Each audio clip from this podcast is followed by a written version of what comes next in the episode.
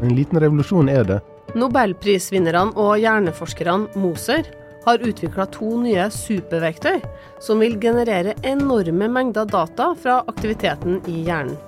Så du må lage computere nesten som kan eh, analysere disse data, for det er ofte veldig veldig kraftig analyse som blir gjort. Dette åpner for nytt samarbeid mellom hjerneforskere og kunstig intelligensforskere. Når du kommer til den dagen at faktisk AI har blitt så god at den kan hjelpe neuroforskerne, og neuroforskerne kan hjelpe AI, da har du en, en sånn positiv feedback. Den forskningen her vil da også ikke bare eh, forklares hva som eh, skjer i den normale hjernen, men også hva som skjer i den ikke så normale hjernen.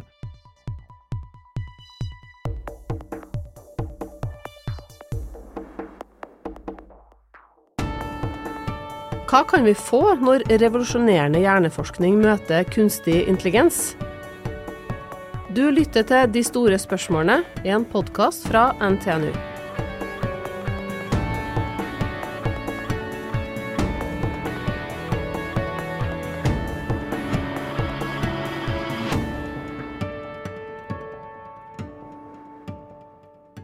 Da vi starta i 1996, vi kom som psykologer, og vi ønsket å forstå de høyere hjernefunksjonene.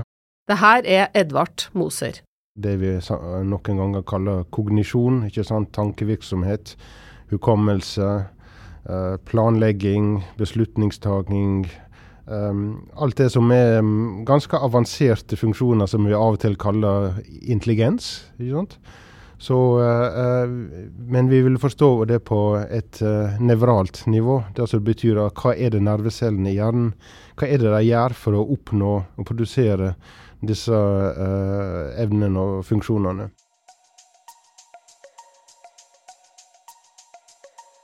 Helt siden han starta på NTNU som ung forsker, sammen med sin samarbeidspartner og daværende kone May-Britt, har målet altså vært mer eller mindre det samme. For hvert år har de kommet litt lenger, og i 2014 vant de nobelprisen i fysiologi eller medisin sammen med John O'Keefe. Så eh, har nå mulighetene endra seg ganske radikalt siden vi begynte. Så eh, da vi begynte, så hadde vi akkurat lært oss å måle elektriske signal fra individuelle nerveceller mens eh, rotte eller mus da gjorde forskjellige oppgaver og, og gikk naturlig rundt eh, og, og, hadde fritt bevegelige atferd. Og eh, vi kunne da måle ei celle i gangen, kanskje noen ganger tre-fire, og hvis vi var heldige ti. Um, og hvorfor er det viktig? Jo, altså det vi um, kunne gjøre den gangen, det at vi kunne finne hva var egenskapen til den og den cella. Og så så vi da at de hadde helt spesielle egenskaper, spesielt i navigasjon, altså i evnen til å finne fram. Så så vi da at, uh, at uh, det var celler som hadde helt bestemte aktivitetsmønster. Så f.eks. Uh, gittercellen som er oppdaga og sånn. Og det var for oppdagelsen av stedsansen, der gittercellene spiller en veldig sentral rolle, at de fikk nobelprisen. Det skjedde da på enkeltcellenivå, så vi visste hva hver enkeltcelle gjør. Men det var ikke nok til å forklare hvordan kommunikasjonen mellom nervecellene i hjernen gjør at vi f.eks. husker bursdagen til barndomsvennen vår. Vi må over til nettverksnivået. Det betyr altså å se på samhandlinga mellom nervecellene i så store nettverk vi kan. Og vi har gradvis beveget oss inn der. Og nå er det i ferd med å skje noe som kan få stor betydning. Nå så uh, tror jeg at vi er på et slags uh, en, en, liten revolusjon. Da. Kanskje ikke en stor revolusjon, men en liten revolusjon er det. Fram til nå har Edvard og kollegaene klart å identifisere ulike typer enkeltceller i hjernen, og funnet ut hvilke funksjoner de har. De er godt i gang med å kartlegge kommunikasjonen mellom de her cellene. Men det de skal i gang med nå, tror de vil ta forståelsen av hva som skjer i hjernen, til et helt nytt nivå. Det er fordi uh, vi uh, nå har helt nye metoder til å måle aktiviteten fra store grupper av nerveceller samtidig. Så vi på en måte kan se så veldig mye mer enn hva vi kunne. Og samtidig så har vi da nye metoder for å prøve å, å ekstrahere mønster. Se hva er det som skjer faktisk i den aktiviteten. Eh, som går lenger enn da kan vi ser med det blotte øyet. Og der kommer da eh, maskinintelligens inn i bildet, og også ganske avanserte eh, matematiske eh, metoder. Det kan de få til fordi de har utvikla to superverktøy som er bitte små og bare veier noen få gram, og kan monteres på hodet til ei rotte. Hello, world. Meet NeuroPixels 2.0, a next generation neuroscience tool. What is NeuroPixels 2.0? Jo, nå skal du høre. Det som har vært vanlig eh, helt fram til for bare et par år siden, er at man har da brukt veldig veldig tynne metalltråder, som er tynnere enn et hår, så da kiler seg inn mellom nervecellene, for de er så tynne.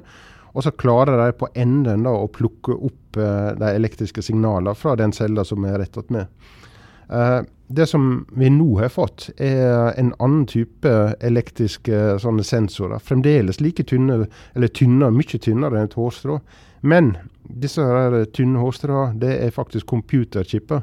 som de, de, har da eh, masse ledninger inni seg, og så har de masse masse punkt. Mange hundrevis av punkt på den, eh, det lille hårstrået. Og hvert av de punktene plukker det opp elektriske signal rett attmed, sånn at du kan da samle inn de elektriske signalene over et veldig stort område. Og så finnes det da metoder å sortere dem på, sånn at du kan da finne ut eh, hvor kommer eh, alle de forskjellige signalene fra. Altså eh, hvilket signal kommer fra celle nummer én, hvilket kommer fra celle nummer to, og tre og fire og så fem osv. Så, videre. så man får en voldsom datamengde. Og kan da vanligvis få um, en del tusen nerveceller sin aktivitet samtidig på den måten. Så med Neuropixels 2.0 kan Edvard og kollegaene fange opp helt avsindige mengder med signaler fra hjernecellene. Men du ser ikke dem, du veit ikke hvor hen i hjernen de er i forhold til hverandre. Og derfor har de utvikla et helt spesielt mikroskop. Som kan se aktiviteten, som på en video på en måte. Du ser aktiviteten til nervecellene, og det kan man gjøre fordi man kan øh, fylle nervecellene med øh, et kalsumbindende protein som er fluoreserende. De får rett og slett hjernecellene til å lyse opp når de er aktive. Det er genetisk innkoda. Så at uh, enten så kan man da ha mus som uh, har en genetisk endring, sånn at de lager protein som har det fluoriserende greiene i seg. Og for musa gjør det ingen verdens ting. Det er absolutt ikke noe problem å ha det der. Det kunne vi også hatt. Eller alternativet er å injisere et uh, et virus. og Nå høres virus veldig fælt ut, men det finnes også virus som ikke sprer seg. Som, men som, det som er poenget med et virus, er at det er en måte å levere et gen på. Så det en celle som da mottar det viruset, vil da få det genet, og så vil det da begynne å uttrykke det genet. Og det her genet uttrykker seg altså ved å lyse opp, sånn at Edvard kan se det i mikroskopet. Så du kan da tenke deg at du ser ned på ei hjerneflate, og i den hjerneflata så har du flere hundre nerveceller. og Så kan du da kanskje se flere plan over og under hverandre. Så til sammen så er du også oppe i tusenvis av celler. Og hver celle er en, en liten dott som da blinker og blinker, avhengig av når cella er aktiv. Og så kan du da se Um, se den aktiviteten til de nervecellene. Men det nye er da, og det er det som vi holder på å jobbe med å utvikle nå i laben vår, er at du kan gjøre det også um, mens uh, Da har vi så små mikroskop at vi kan gjøre det um, mens uh, mus da kan springe rundt og gjøre vanlige ting. F.eks. å, å lete etter en matbit. Signalene de her to superverktøyene fanger opp, utgjør til sammen enorme mengder data. Ved å analysere de her dataene kan Edvard finne det han kaller Algoritmene i hjernen. Altså hvilke beregninger hjernen gjør for å skape psykologiske funksjoner.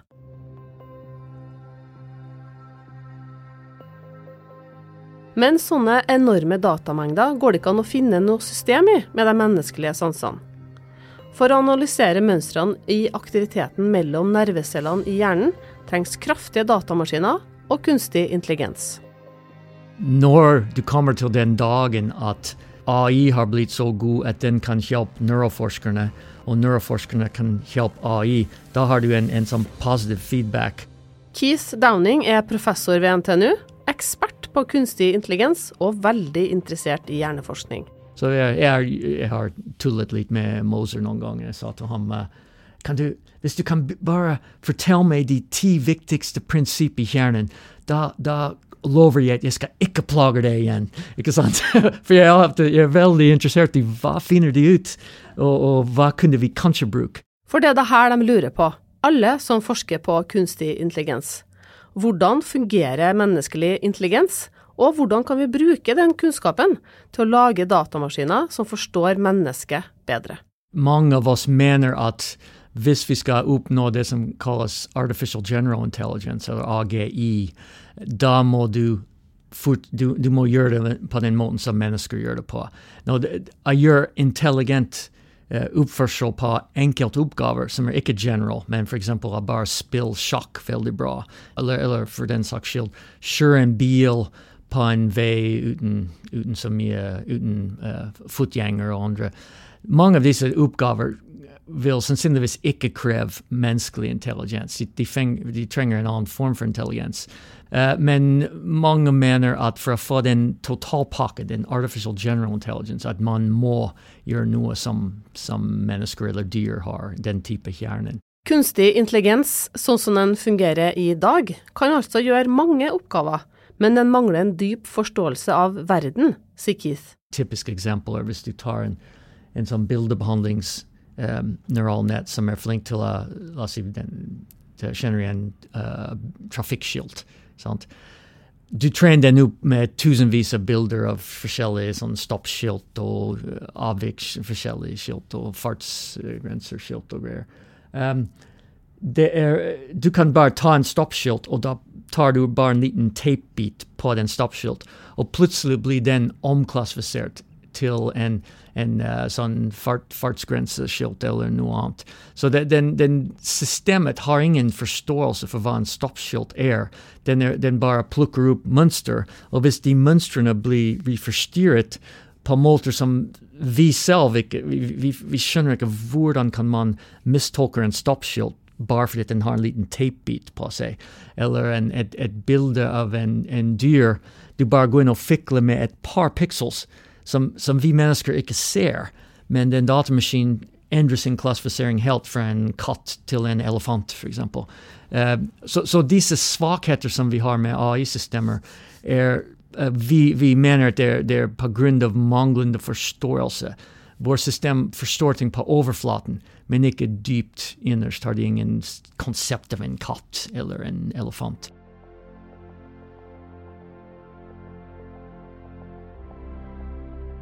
Så hvis Edvard og kollegaene greier å finne ut hvordan de her algoritmene i hjernen fungerer, kan det være til stor nytte for Keith og gjengen hans, som vil utvikle smartere datamaskiner. Ja, altså det går begge veier. Og um, det, vi kan nyttiggjøre oss av, er for det første det at, um, at vi kan bruke maskinlæring uh, altså til å trene opp computere til å gjenkjenne mønster, og kanskje se mønster som uh, vi mennesker eller forskere sjøl ikke klarer å se. Men, uh, og da, da, er kunstig intelligens uh, et veldig viktig verktøy for å rett og slett å, å se strukturer i dataene. Og tolke ganske kaotiske mønstre i, i nervecelleaktivitet. Når to fagfelt i rivende utvikling møtes på den måten hjerneforskning og kunstig intelligens gjør nå, hva kan det føre til av framskritt for samfunnet? Jeg liker å se på jobb ofte, men jobb er eh, sånn Sysselsetting er ofte sett på som en av de andre fryktene. At uh, roboter tar over. Nei, men uh, eh, AI tar mange jobb fra folk. Uh, jeg liker å se på det på den andre fronten. der, Ja, AI kan ikke gjøre mange jobb lettere for folk, og det kan føre til at noen folk blir sparket. Men også at du kan få mye mer ut av en, en arbeidsdag enn du kunne før. Uh, og så, så, folk som lærer å jobbe med AI, vil da uh, kunne få til veldig mye i, i, deres arbeid. Og for oss å, å lære hvordan vi skulle jobbe mot en maskin, det på en måte er litt sånn kjedelig å tenke på. Altså, før hadde jeg en venn her som satt her, når, når det er en robot. Hva, hva, i verden skal jeg men hvis de, hvis de, robotene da begynner å få den, den siste 1 at de kan faktisk kommunisere med oss mennesker på det samme Som om de, de, de virkelig forstår oss. Da kan det være også at mange av de jobbene som, som er human-computer interaction. At den interaction er veldig, veldig lik den interaction som to mennesker har. Og det, det kan være at, at, uh, veldig produktivt for, i, en, i en firma, f.eks. At du kan faktisk uh, leie inn ja, du kan faktisk Istedenfor å ansette fem mennesker, du kan kanskje ha tre mennesker og to roboter, og de roboter vil uh, fungere delvis som mennesker uh, og har en, en god måte å omgås med oss på. Sikis Downing.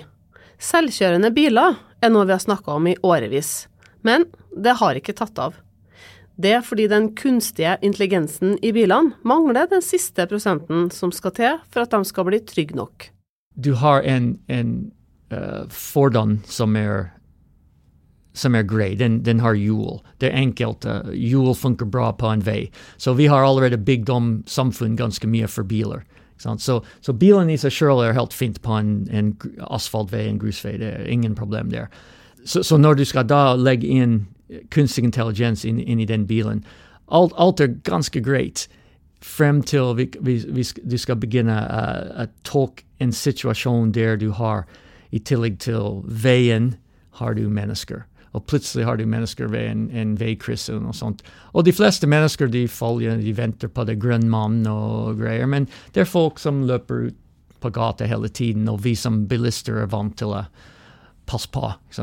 Um, men en, en, datamaskin er ikke så flink til å tolke uh, hva mennesker skal gjøre i enhver situasjon. Og hvis du kjører gjennom byen, eh, nesten hver gang du kjører gjennom byen, er det noen mennesker som du faktisk ser på og må tolke hva de gjør. Og det er veldig veldig enkelt ting. ikke sant? Du, du ser en person som er på vei til en, en, uh, vei, en sånn uh, Fotgjengerovergang.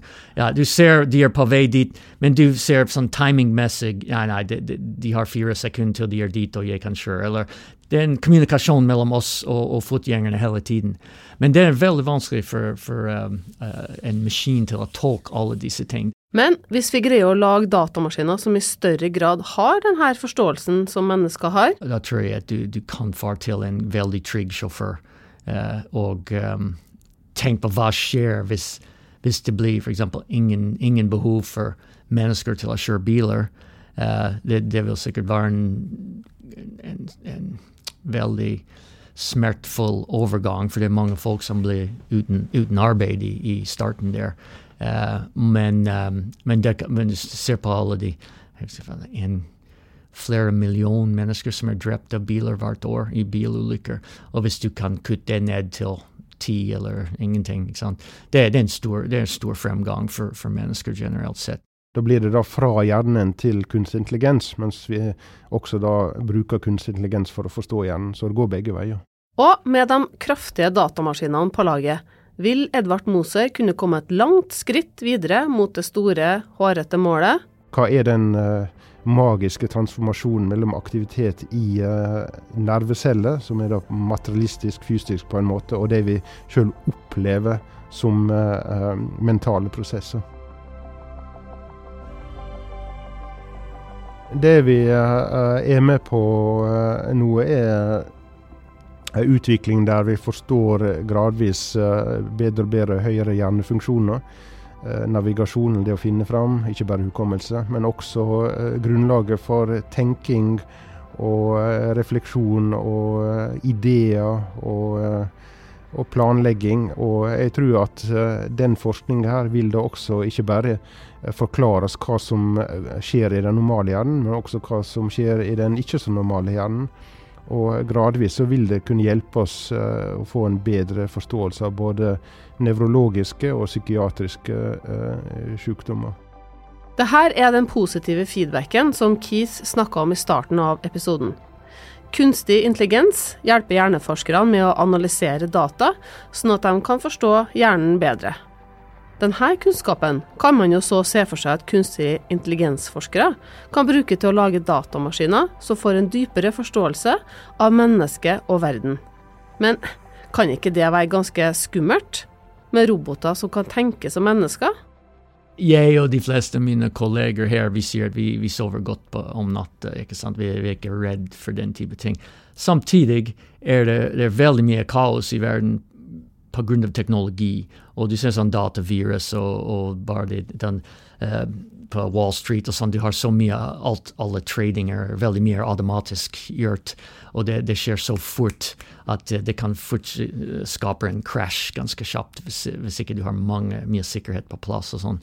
Um, og, så, så det, det, det, er mange På mange måter har teknologien allerede skapt forferdelige ting her i verden. Du ser med Facebook og alle disse algoritmer som, som far, kommer med mange uh, fornærmelser til folk og rasisk kommentar og ditt og datt.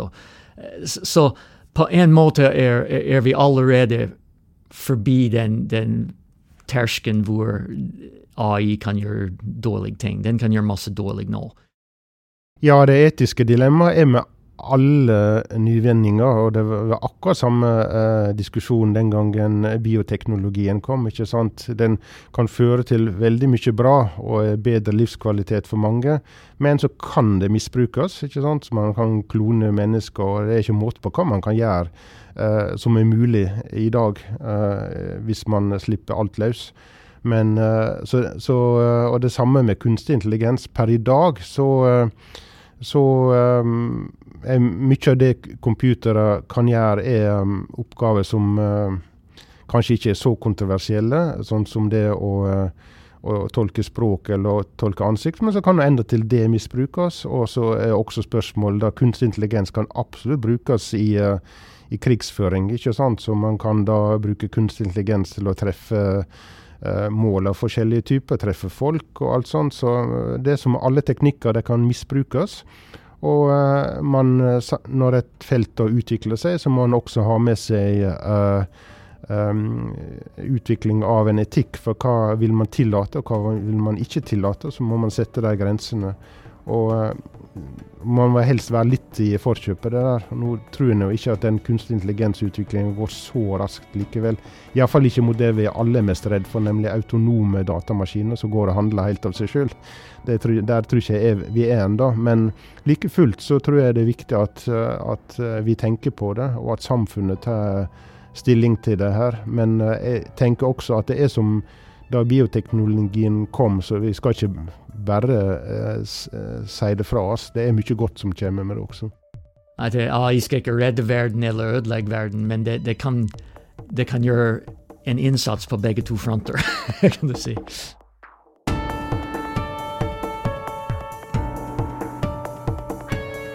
Du har hørt De store spørsmålene, en podkast fra NTNU.